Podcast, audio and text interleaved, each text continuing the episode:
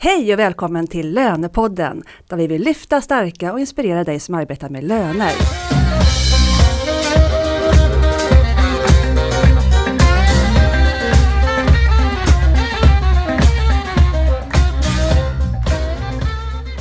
Jag heter Katarina Sand och jag arbetar på rekryteringsbyrån WISE Professionals som bland annat rekryterar och hyr ut lönekompetens. Lönepodden det gör vi tillsammans med SRF-konsulterna och Knowit. Det kan vara lite kul att veta att vi strax efter förra avsnittet nådde 25 000 lyssningar under vårt första år, vilket är helt fantastiskt. Tack alla ni där ute som följer oss. Temat i det här avsnittet är pensioner pensioner kopplat till lön. Det är ett komplext, svårt och jätteviktigt ämne. Som bisittare i det här avsnittet har jag Senny Sjölund som är branschansvarig för lön på SRF-konsulterna. Välkommen Senny! Tackar, tackar! Varför är pensioner så viktigt på lön? Jag tror att det har att göra med att man har ett stort ansvar som lönekonsult men man också måste förstå att det är en konsekvens långt fram i tiden. Det är så lätt att vara här och nu. Mm. Framförallt när man pratar lön för då tänker man att det ska bli rätt här. Men det här är någonting som ger en konsekvens för den anställde 20, 30, 40 år framöver. Mm. Och vi har bjudit in två experter på det här området får vi lov att säga. Det är Eva Adolfsson som är fristående pensionsekonom idag. Välkommen! Tack, tack! Du jobbade tidigare på Alecta i 11 år. Ja, det stämmer. Senast här nu. Ja. Mm. mm. Välkommen. Tack. Och sen har vi Victoria Gårdö som är pensions och försäkringsspecialist på teknikkonsultföretaget Sweco. Välkommen! Hej! hej. hej. Vad kul att vi har kunnat samla er här idag.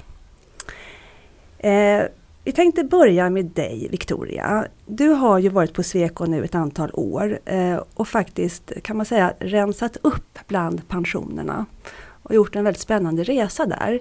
Vi tänkte ta vårt avstamp i din resa i det här avsnittet. Och sen kommer vi att eh, ja, komma in på en hel del annat också. Då. Ja, visst. Eh, Victoria, kan inte du börja berätta, vad är det du har gjort på Sweco? Ja, jag kan ju börja med att säga att eh, min bakgrund är ju att jag har jobbat på Alecta i ett par år och även kommer jag från Collectum där jag var i fem år. Eh, och hjälpte då Sweco, var en av de kundföretagen som jag hjälpte mycket. Eh, så när jag var redo att gå vidare så sa de kom hit och hjälp oss för vi vet att du förstår det här. Därför att som stort bolag som Sweco är så förstod man att man behövde någon internt för att verkligen se över med pensionerna. Uh, vi hade ju ett uh, mäklaravtal, vi har alternativ ITP, eh, nytt lönesystem. Så mycket som påverkar samtliga anställda. Som då 2014 var 4500 anställda ungefär och vi är 6000 idag. Så det är ett företag som har 13 bolag och väldigt många olika avtal men det är ju tjänstemän då som vi har. Eh, och när jag kom in så var det ju för att titta över först och främst eh, våran eh, avtal vi hade med försäkringsmäklare. Eh, så det var mitt avstamp och verkligen göra en inventering utav de pensionsförmåner som vi hade inom koncernen. Och det märkte vi ju ganska så snart att eh, vi inte riktigt hade koll på. Eh, och det är ju en situation som många företag är i oavsett storlek så, så kanske man tycker det att nej men, har vi en mäklare, det här är så komplicerat så vi låter mäklaren sköta eh, det här med pensionerna och speciellt för de högavlönade och ledande befattningshavare och så vidare. Och så får man ingen räkning ifrån dem så att eh, varför ska vi bry oss? Um, lite grann. Men jag kan tala om att ingenting är gratis här i livet. Det finns konsekvenser på det finns konsekvenser för det mesta uh, när, man, när det är på det viset. Så att, uh, vad vi gjorde är att vi satte igång ett pensionsråd internt. Där vi tog HR-chefen och ekonomichefen och jag.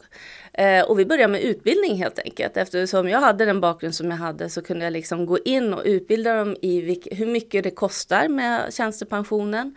Det är den näst högsta kostnaden som ett bolag har bara det gör att du får upp engagemanget och verkligen får resurser till ett sånt här projekt. Det är att påvisa hur mycket det faktiskt kostar. Och det här är ju en framtida lönen för samtliga medarbetare. Så det är också viktigt som en förmån och för att vara en bra arbetsgivare att man följer de kollektivavtal och lagar som man ska. Hur blev det här mottaget då internt? Alltså anställde de dig för att de kände att oj, vi måste, här måste vi göra en rejäl översyn eller mm. Ja. Var, de kände på sig att det behövdes. Ja, det ja. måste jag säga. Mm. De visste lite oro i kroppen att när man gör upphandling av ett IT-system eller om man ska byta kaffeleverantör så gör man en ordentlig upphandling och man gör en utvärdering utav allting. Men när det kommer till pensionen så är det så komplicerat att man liksom lägger det lite bakom sådär och det är ju inte ovanligt utan eh, det är ju naturligt. Eh, men med min bakgrund så kunde jag då komma in och, vända på alla stenar och så här. Och jag måste säga att det var inte bara jag utan jag tog ju hjälp av pensionskonsult också som då kunde ta in fullmakter och så vidare. I det här pensionsrådet var lön med där också? Eh, vi hade ju våran CFO så att hon är ju chef över lön men jag hade ju hela tiden, i projektet höll på under två år eh, angående upphandling till försäkringsmäklare. Så att det var ju givetvis att jag återkopplade till lön och lönechefen hela tiden. Vi har ju daglig kontakt med löne administratörerna och lönespecialisterna. Så, så fort du gör en förändring i rutiner eller processer så måste ju de vara med på tåget och se vad det får för konsekvenser. Absolut, det är jätteviktigt. Men den här resan ni har gjort då, hur var kunskapsnivån? Kan du säga någonting om den, hur den var när du kom in eh, och eh, någonting kring utvecklingen de här åren? Eh, ja, det jag har vet ju att du kan vara väldigt, kanske ska ja. säga det, att du har ju Svekos, eh, att du har fått, ett, du har fått okej okay från dem att prata öppet om din resa där. Ja, absolut, och det är ju för att inspirera och andra bolag att våga ta i den här komplexa frågan och våga be om hjälp. Eh, att eh, oavsett eh, min bakgrund så tog jag ändå hjälp av pensionskonsult och jag gjorde ändå utbildningar internt. Men min HR-chef till exempel som går ut och träffar mycket nätverk och andra stora bolag, när hon kan förklara att ja, men ITP2 det vet jag vad det är, fribrevsuppräkning, jajamän, lönesänkning, alltså det, det är en trygghet hos oss som bolag att kunskapen finns. Och, och, den har blivit betydligt bättre då förstår jag varit, de här ja. åren och även på lön har, har kunskapen Precis. vuxit ordentligt. Mm. Uh, det handlar ju mer om att uh, för lönespecialisterna så känner jag att det handlar mycket om att känna till konsekvensen. För de har så otroligt mycket att göra.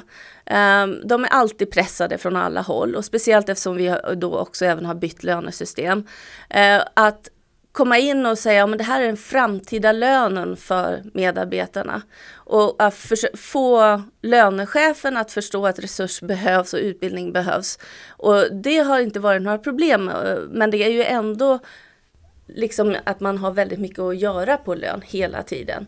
Men att man då lyfter fram vad konsekvensen blir om man inte har tid att göra sjukanmälningar till exempel. Ja, den anställde som har varit sjuk mer än 90 dagar kanske kommer hem med 40 procent av sin lön det är, det är oj, det visste jag inte, det vill, det vill vi ju inte. Vi vill ta hand om våra medarbetare. Så det är hela tiden kopplingen till lön och utbildning. Eh, och jag har ju haft turen och Sweco är faktiskt ett fantastiskt bolag. När jag har påvisat allt det här så vill de ju ha utbildningen och vill ha kopplingen um, till det här. Eva, du har ju lång erfarenhet, du har varit på Alekta som sagt i 11 år mm. eh, och du har ju sett många, du har stor erfarenhet av många verksamheter hur det här fungerar. Mm. Vad, vad säger du? Nej men jag vill bara bekräfta Victorias bild att eh, så här ser det ut i stort sett precis överallt. Att eh, man tar in konsulter men man har liksom eh, i form av försäkringsförmedlare men man har haft väldigt lite koll på vad det kostar. Och som sagt ingenting är gratis utan eh, de tjänar pengar på något sätt och det gäller ju så att säga att veta, att sätta sig in i eh, hur ser deras intäktsflöden ut och när man gör upphandlingar av försäkringsförmedlare så tycker jag att om man inte har den här fina kompetensen som Sweco har då så kan man ju i alla fall försöka kroka hand med inköp.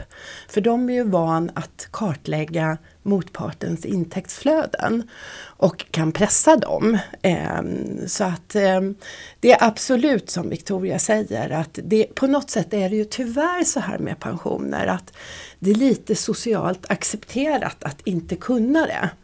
Eh, just därför att man tycker och tror att det är svårt och komplext. Men eh, vi kommer nog kanske in på det lite senare. Det finns mm. ju liksom olika sätt att ändå kompetensutveckla sig inom det här området. För att jag skulle vilja säga så här att pensioner är ju ingenting som någon egentligen frivilligt börjar jobba med. Jag har aldrig, aldrig under mina år i den här branschen träffat någon som har räckt upp handen och sagt att pensioner, det vill jag jobba med.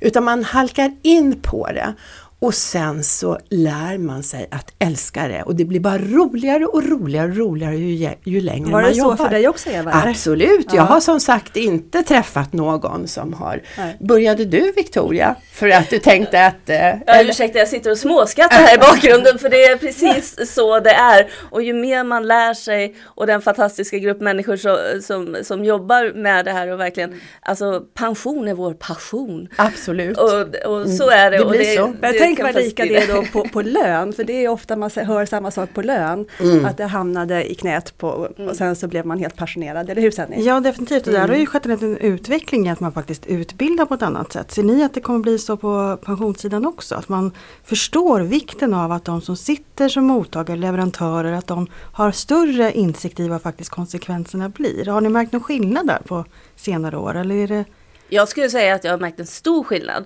Bara på de fem åren som jag har varit på Sweco så har det ju varit det är fantastiskt, vi, har, vi, vi anställer ju en hel del människor då per år och, och de kommer alltså höra av sig och säga nu, nu har jag fått ITP för första gången, jag vill placera hållbart.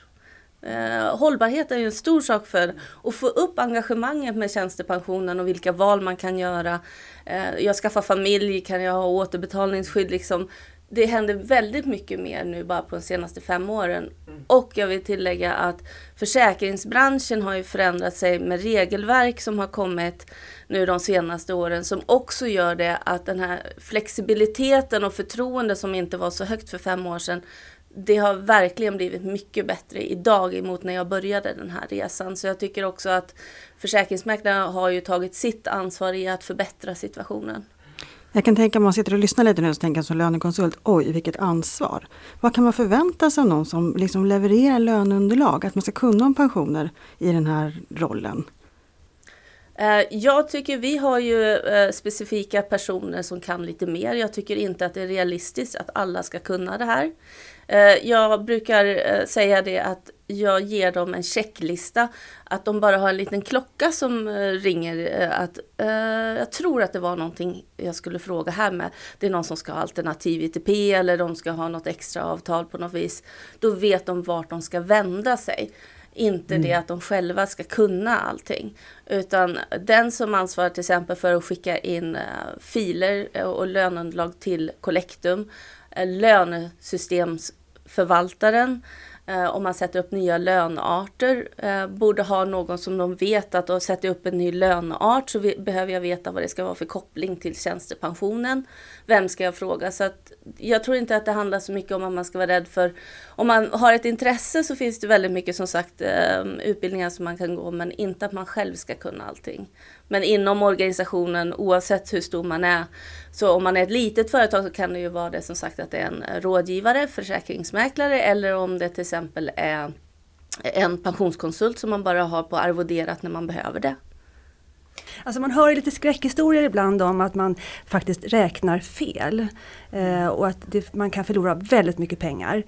Eh, alltså både som arbetsgivare och som arbetstagare. Så det finns ju fallgropar här förstår jag.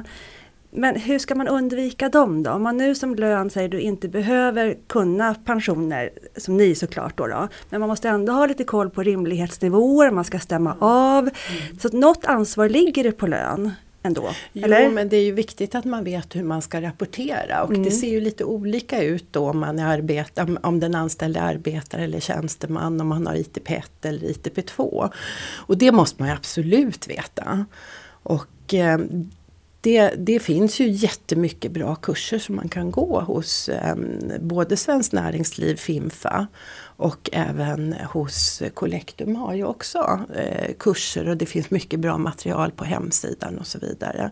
Så det, det, det måste man ju bara för att annars blir det fel. Men jag skulle vilja säga att eh, någonting som är väldigt bra när man har kollektivavtal det är ju att det finns någonting som heter kollektivavtalsgaranti. Så att skulle det bli fel för en medarbetare att man till exempel får för lite så går det ju alltid att rätta till och det finns ju inga preskriptionstider i de här avtalen. Det är ju jätteviktigt att veta. Så även om det uppdagas efter 15 år så har man rätt till en retroaktiv ersättning. Men däremot ur ett arbetsgivarperspektiv så är det ju mindre bra om det blir fel för att då kan man ju få en retroaktiv faktura som ibland kan vara ganska stor om det har blivit så att man har, fått, att man har betalt för lite.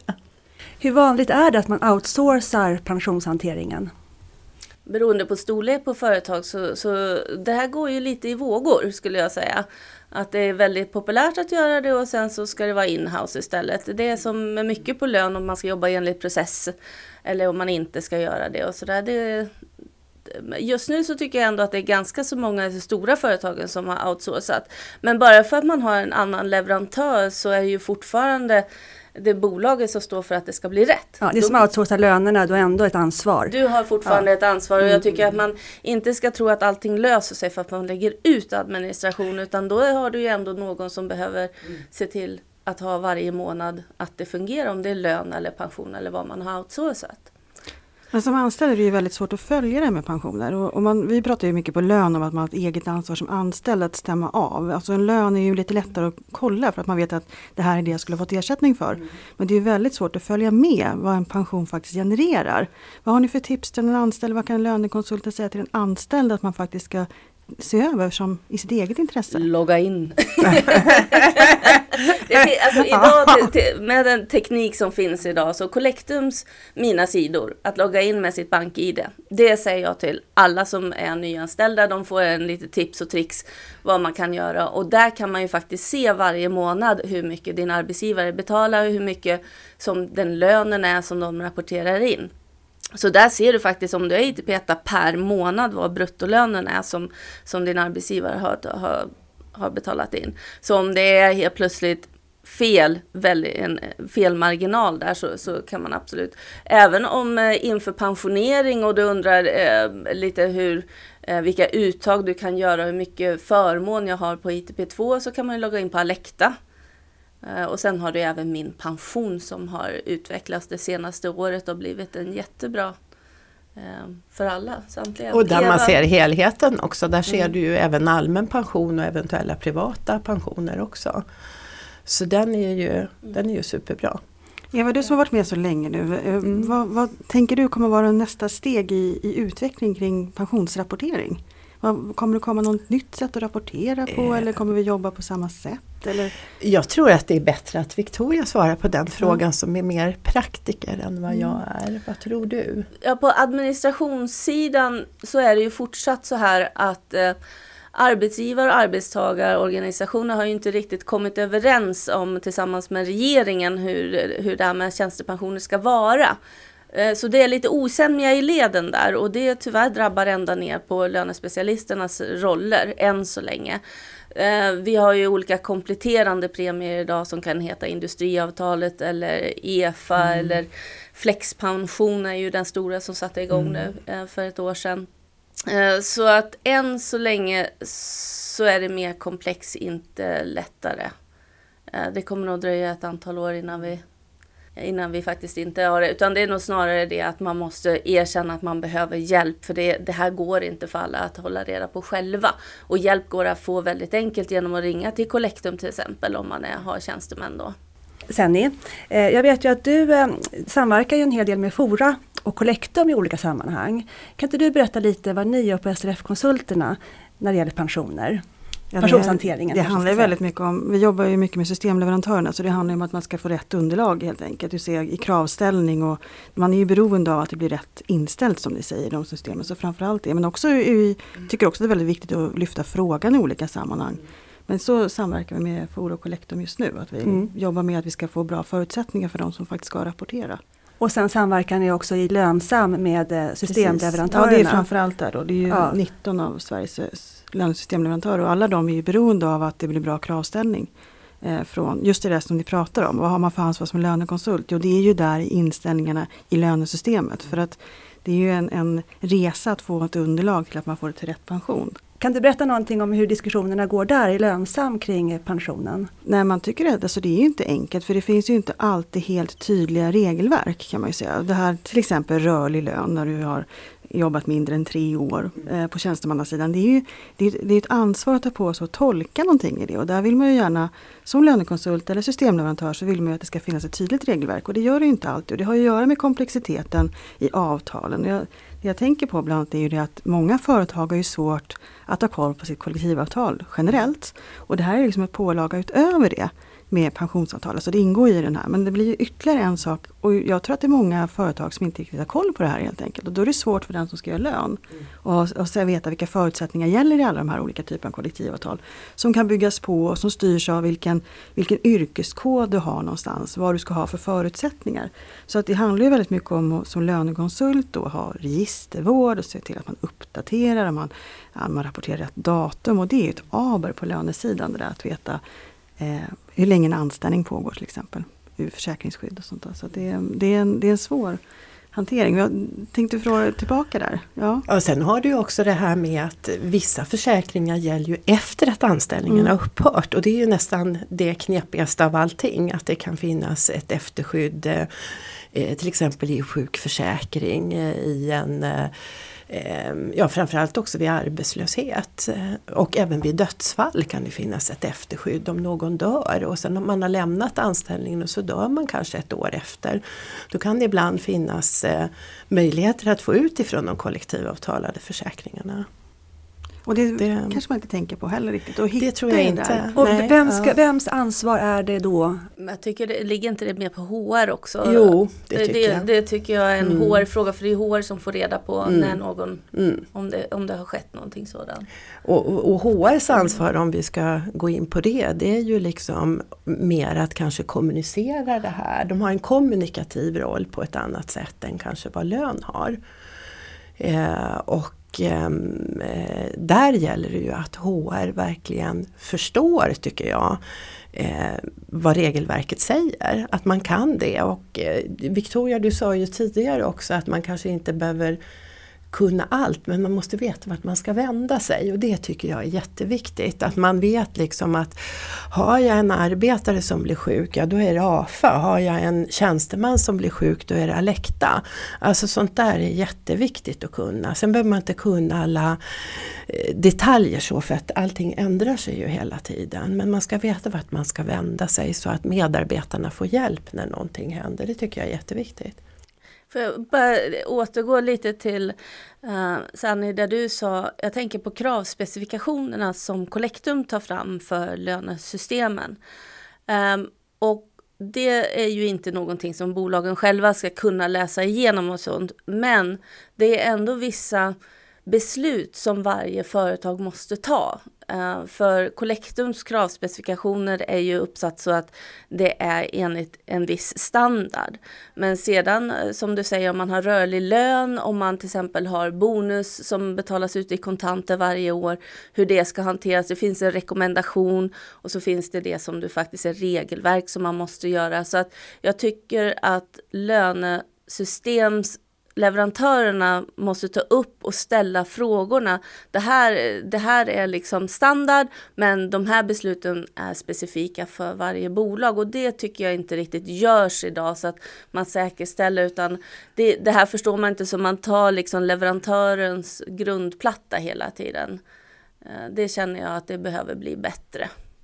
Vad säger du om det Sanni? Jag tror att det är så. Man, man, förväntar, man, tror, man förstår inte komplexiteten i pensionshanteringen. Man tror att man har ett standardsystem och man har en standardrapportering. För nu rapporterar jag till Collectum, då är det fine.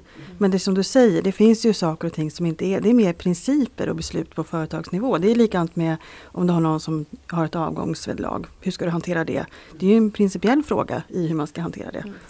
Eh, Victoria, du fick ju med dig bolagsstyrelsen på Sweco. Ja. Eh, kan du berätta lite om den resan? Var det självklart för dig från början eller för, för, eller för bolagsstyrelsen att vara med i den här pensions... Eh, vad ska vi säga? Att rensa upp i det på Sweco? Eh, jag hade ju stort stöd som sagt av HR-chefen och eh, ekonomi eh, som eh, direkt gick också till eh, våran eh, Åsa Bergman, våran VD för de svenska bolagen. Eh, och eh, vad jag gjorde var att ta fram en, kalender, en arbetsvecka, måndag till fredag. Och det här är alltså så som det är på alla bolag, måndag, tisdag, onsdag. Allting som man gör det är för att kunna betala för lön och arbetsgivaravgifterna. Hela torsdagen, det du arbetar, det går till tjänstepension och löneskatt. Hela torsdagen. Fredagen så är det lite lokalhyror och lite omkostnader och sådär. Fredag ungefär vid tre, då får ingen gå hem för då känner man inte vinsten ut till bolagen. Så om man tar det och sen så räknar jag också fram exakt vad vi hade i tjänstepensionskostnader, både med mäklare som är lite separat med alternativ ITP och, och för ledande befattningshavare och hur mycket vi faktiskt betalade i ITP. De två tillsammans gjorde att det är väldigt svårt för ett företag att säga vi bryr oss inte. Det kan man ju faktiskt som ett seriöst så bolag i det, det nej, skedet så Åsa då i det här fallet, hon fick upp koncern hon fick Ja. upp ögonen för den här frågan. Det hade hon redan hade hon. innan måste Ja, jag säga. ja. För, för de här människorna är definitivt Ja, nej, väldigt... så, förstår så jag. att de var definitivt på. Därför att de såg ju också sina egna utvecklingar på sin egen tjänstepension beroende på vad mäklaren hade rekommenderat. Så, så att det blir eh, om man kan anknyta det dels till företagets ekonomiska framgång. Eh, att man faktiskt gör rätt och att man inte får stora retroaktiva fakturer. Utan att man vet att man har så jämn kostnad som möjligt. Det är ju det som alla, alla ekonomiavdelningar vill ha. Eh, och sen så att man anknyter det privat. Att man faktiskt ser det att om du betalar 3% i avgifter på din privata tjänstepension och istället sänker vi det till 0,75 och kan påvisa exakt hur mycket mer de får per månad i tjänstepension.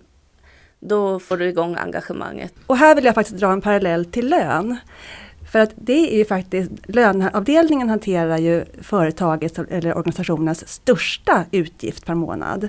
Och där, här vet vi ju att det är faktiskt många vd och ledningar som tror att det fortfarande är bara att, knappa på, att trycka på en knapp på lön. Så att, alltså jag tycker det är så intressant Mm. vad lön kan göra här också. Absolut. Ja. Det, jag tror att vi har hjälp att dra varandra också för att det här är ju så kop, eh, kostnader som är kopplat till varandra hela vägen. Alltså det, det vi gör på lön blir en effekt i pensioner och så vidare. Och jag vet inte men jag tycker att det är väl värt att uppmärksamma att det finns ju faktiskt tjänstepensionens dag också som är där det finns mycket information. 27, 27 sep- september varje år. Ja, Ja, som jag tycker är, Mm. man kan uppmärksamma på ett sätt det här med att man någonstans ger någonting en särskild dag. Det, det är Mm. inte helt fel för då även om det här känns som att det är periferin och det är någonstans långt borta och jag ska inte gå i pension så är det, man vet aldrig, livet är ju som det är. Tjänstepensionens dag är ju mycket bättre än kanelbullens dag, kom igen. Det, det, lägger, sig, det lägger sig inte runt midjan. Nej men just det här med avgifter också som du tar upp Victoria, att det har funnits lösningar där avgiften har varit kanske 3% på kapitalet. Det betyder att hälften av det som jag ska få i pension går bort till någon annan än till mig själv. Till pensionsbolag, till eh, pensionsförmedlare, försäkringsförmedlare. Så att eh, det där är ju väldigt viktigt det du säger att eh, när VD och, och högre befattningshavare i ledningsgrupper och så ser vilka mm, avgifter de själva har haft så blir det ju väldigt, väldigt intressant. För alla vill ju ha så mycket pension som möjligt. Och att gå då från 3 i avgift ner till 0,75 det gör ju många hundratusentals kronor, miljoner kronor för människor. Och jag tycker det här med tjänstepensionens dag och sådär, det är många då, speciellt mindre företag som säger att vi har inte tid med det, det är komplext, jag, vill, jag orkar inte ta emot frågorna för jag har så mycket annat att göra, speciellt på löneavdelningen om man är ett mindre bolag. Men då säger man att både Collectum och andra aktörer har färdiga texter. Det finns en hemsida som heter tjänstepensionensdag.se. där det finns färdiga texter och sen så hänvisar man direkt till Fora eller till Collectum. Det är inte så att man själv ska sitta och ta frågor från medarbetarna. Det gör inte jag heller på tjänstepensionens dag. Men man kan använda den här förmånen som företaget betalar så mycket och verkligen belysa vilken fantastisk förmån det är och att det är en del utav du har inte bara lön, du får även din framtida lön, din pension som vi betalar till. Eh, så våga ta tag i det och att belysa dig som ett bra företag. Och det där är ju en fantastisk eh, företeelse överhuvudtaget att det är ni i branschen som har gått ihop och förklarat på ett enkelt sätt vad tjänstepensionen faktiskt betyder. Det tycker jag är, just som du säger, med information till, riktad till en anställd så att det inte blir så komplext och svårförståeligt. För det, det är såklart när ni säger 3% 0,75% och förstå det i omsättning kan ju vara väldigt, det är ju, kan ju vara svårt att, att förstå vad det blir för effekt. 3% låter ju så lite. Precis. Men om avkastningen är 6% och avgiften är 3% då försvinner ju hälften. Jag tänker kring utbildningar och kurser vi pratade om, Mm. då sa du Eva att det fanns Mm. kurser på Svenskt Näringsliv. Men om man Mm. nu bor ute i landet, De är jättebra på att ha kurser ute i Ja, landet de åker också. ut. Och webbinarier. Ja, och webbinarier. Webbinarier. Precis, Ja. och det webbinarier har ju Svenskt Näringsliv, Fimfa, men det har även Collectum tror jag. Va? Absolut. Ja. Absolut. Och sen så finns det ju också en del bra skrifter som man kan alltså rekvirera gratis. Svenskt Näringsliv har ju en skrift som kommer varje år. Och sen kan jag också rekommendera en facklig skrift som PTK, Privattjänstemannakartellen, tar fram som är väldigt bra. Och som man beställer ifrån dem gratis och som är som en liten uppslagsbok kan man säga. Där kan man gå in och se, ja men är det någon som har dött, vad är det som gäller och vem har hand om de här olika försäkringarna? Apropå vad vi pratade om nyss, att det är viktigt att kunna hänvisa vidare.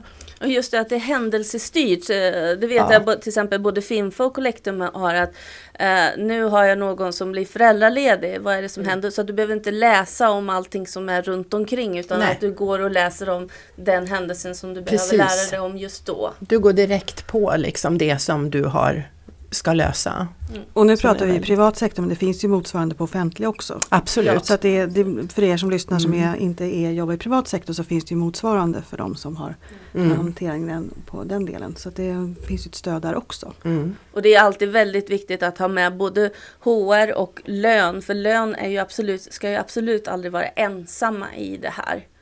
Eh, om det är processer och hur man ska jobba med den här frågan så tycker jag att det är en större bolagsfråga. Att det kan inte bara dumpas på lön så att säga utan det är en större fråga än så. Att de ska, borde kunna känna trygghet i att resurser ska finnas att hantera frågan. Och det är en styrka att lyfta fram här att, att man förklarar att för dig som jobbar med lön att det här kan inte du förväntas kunna för det är för komplext i den där hanteringen. Utan det är att man samverkar som, som i många andra fall, att man ser till att man har rätt förutsättningar och ser till att man tar de personer runt omkring som är riktigt duktiga på det som handlar om pensioner.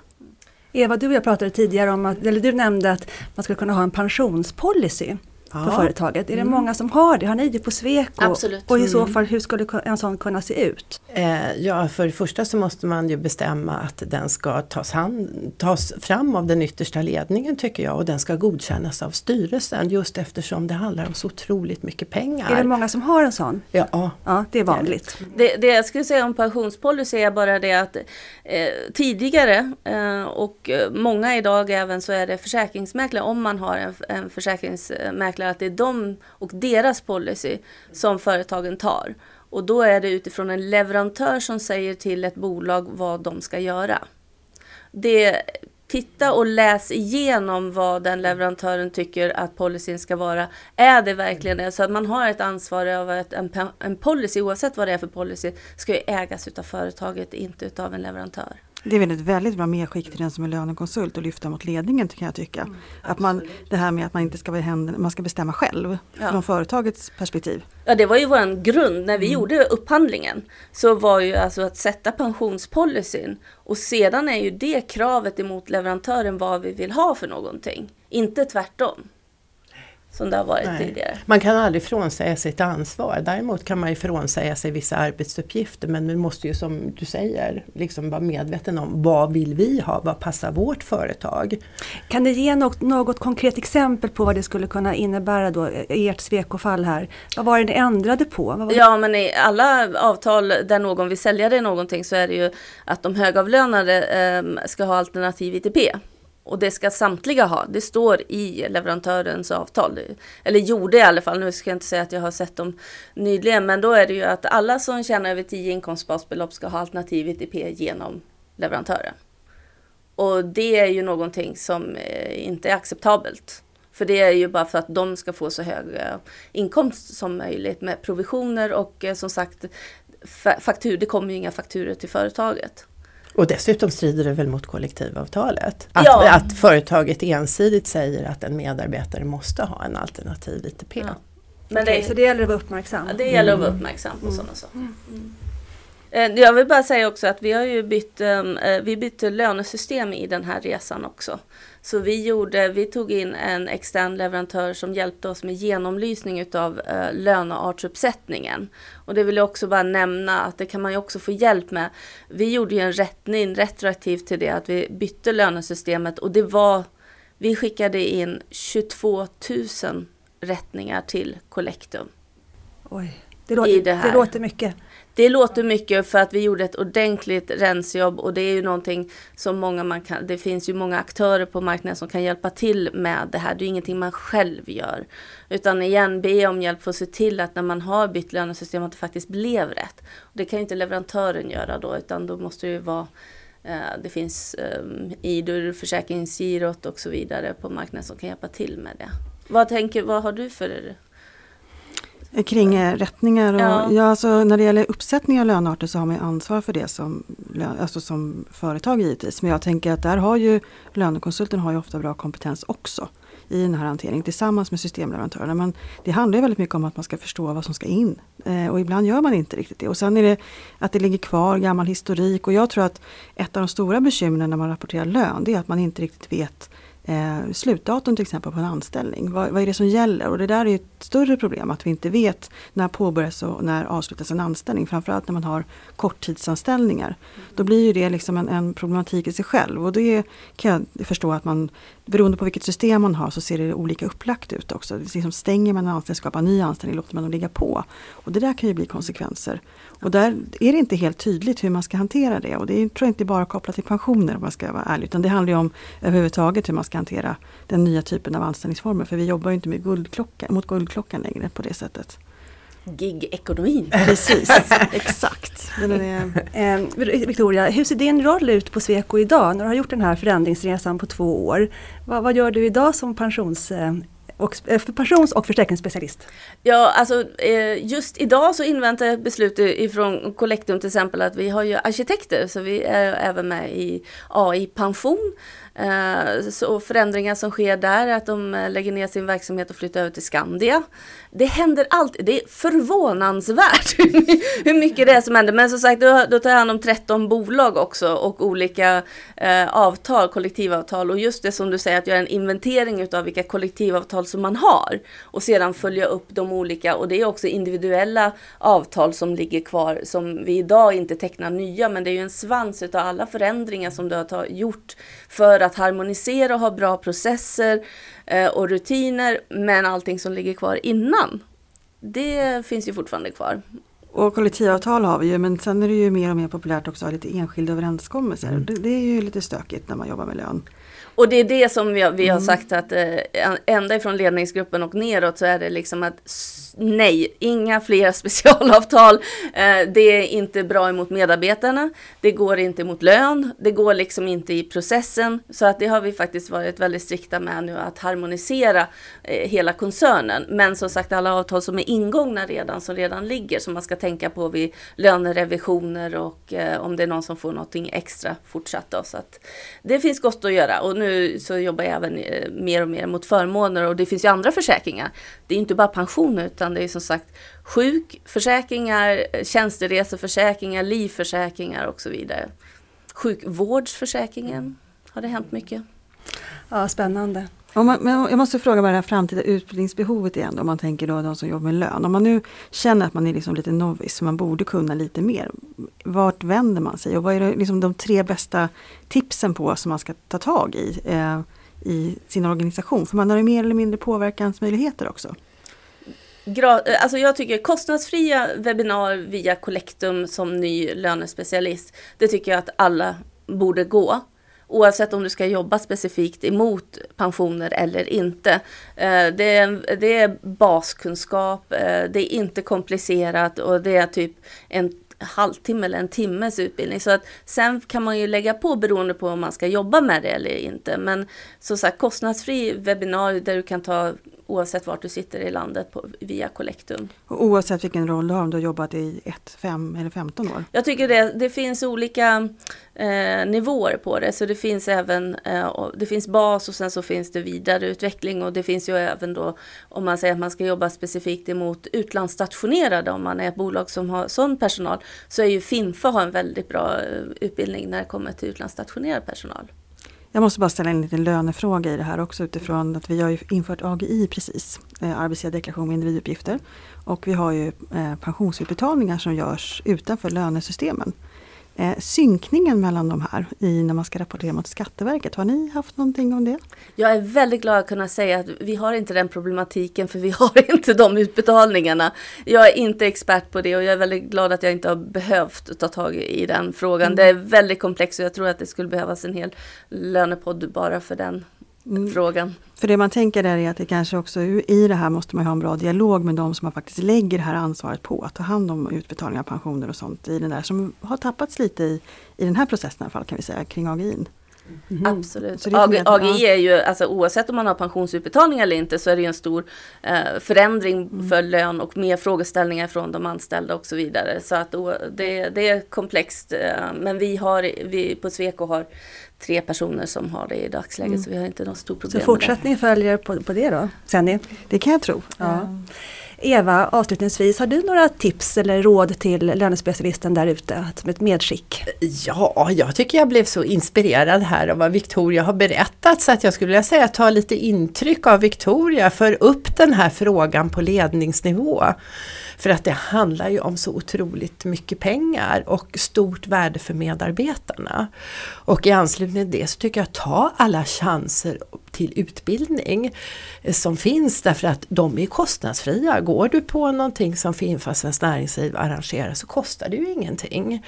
Och även Collectums grejer, Alekta har också, det finns mycket bra grejer på Alektas hemsida. Det finns avgiftssnurr till exempel där man kan se vad avgifter har för betydelse om man ska upphandla. Och sen slutligen så skulle jag väl vilja säga att um, Eh, skriv inte på någonting som har med pensioner att göra utan att man till fullo förstår allting. Det tycker jag är jätteviktigt. Mm, jättebra. Och, och be om hjälp. Och be om hjälp också. Mm. Mm, bra. Du då sen, har du något medskick till lönekonsulten där ute? Jag tycker att man ska, man ska vara försiktig men man ska ändå ta, ta reda på vad som gäller. Och just mm. kollektivavtalshanteringen där att man, man får ju se till att man, om man är med i en arbetsgivarorganisation så ska man nyttja det kan mm. jag tycka. Att man har en, en dialog med dem om man känner sig osäker. För det är det man någonstans betalar för i kollektivavtalshanteringen också, att man har ett stöd. Mm. Och sen får vi inte glömma då att pensioner är roligt. Ja, eller hur? Ja. också, också det att det finns ju lika mycket hantering på den offentliga sektorn. Nu har vi haft lite fokus privat här. Men att mm. man tänker på det, att det finns mm. ju samma, samma scenario där. Att man mm. ser över och tänker, där har man oftast lite större enheter så det kan ju vara mer stöd på annat sätt. Men mm. inte tappa det. Då vill jag tacka Victoria och Eva för att ni kom och gästade Lönepodden. Tack så mycket. Tack. Tackar. Sen, vi har fått en lyssnarfråga. Mm. Mm, det tyckte jag var jätteroligt. Så den jag, tänkte jag att du skulle få svara på. Mm. Eh, det låter så här. Jag skulle vilja höra ert resonemang kring vad som skiljer en löneadministratör från en lönehandläggare, från en lönespecialist, från en lönekonsult och från an alla andra titlar som jag inte kommer på just nu. Varför finns det så många titlar på lön? Och vad skiljer de åt? Så det är inte en jättelätt fråga att Nej, svara det på. det förstår jag. Men det är en intressant kan, fråga. Ja, men vi kan ju börja med att dra tillbaka klockan lite. Att det faktiskt inte har funnits en titel på många år. Ehm, det, förut så var man någon typ av assistent, administratör. Och sen har det liksom lyfts fram att lön är ett fokusområde. Så om vi börjar där. Ehm, när vi startade Löneföreningen, när du var med Katarina för ett antal år sedan. Då hade man ju när man tittade på SSY-koderna till exempel för eh, SCB. Så fanns ju inte lön med definierat utan då fanns det ja, motsvarande 30 titlar som man kunde hamna i statistiken. Så vi har liksom inte kunnat följa löneyrket på det sättet. Tack vare en, en satsning i branschen och YH-skolor så har vi ändå fått olika typer av roller och då är det ju svårt att veta vad man ska benämna för att det beror på vilken verksamhet man jobbar i. Så jag skulle säga att i offentlig sektor tror jag man har väldigt tydliga nivåer, att det här är kopplat till vilket ansvar och vilken roll du har. En löneassistent är ju den som vanligtvis kanske gör det som är en typ av registreringar och, den, och det är väl den typen av tjänster som vi ser blir automatiserat och digitaliserat. Eh, handläggare är ju väldigt kopplat till att du jobbar i en offentlig verklighet. Skulle jag säga. Alltså du, har, du har handläggare, titeln handläggare och då är det ganska stor skillnad på att vara administratör och handläggare för det, då har du olika ansvarsområden. Det vi jobbar för det är att vi tror att de flesta i framtiden är lönekonsulter och det handlar ju om att du någonstans går in i en annan typ av yrkesroll. Där där eh, tyngden ligger på ordet konsult i att du är rådgivande. Det innebär inte att du ska kunna hantera pensioner och berätta om pensions eh, konsekvenser av att du har olika procentsatser. Men att du ska ha en möjlighet att kunna påtala att det blir en, en förändring för företagsledningen om vi har en annan typ av pensionshantering till exempel. Att man uppmärksammar kring det. Så att det är ju en, en nivåskillnad i vad du har för ansvar. Och sen så har ju eh, YO-skolorna på sitt sätt satt en prägel med sina titlar. Mm, det är lönespecialist, det är löneekonom. Ja.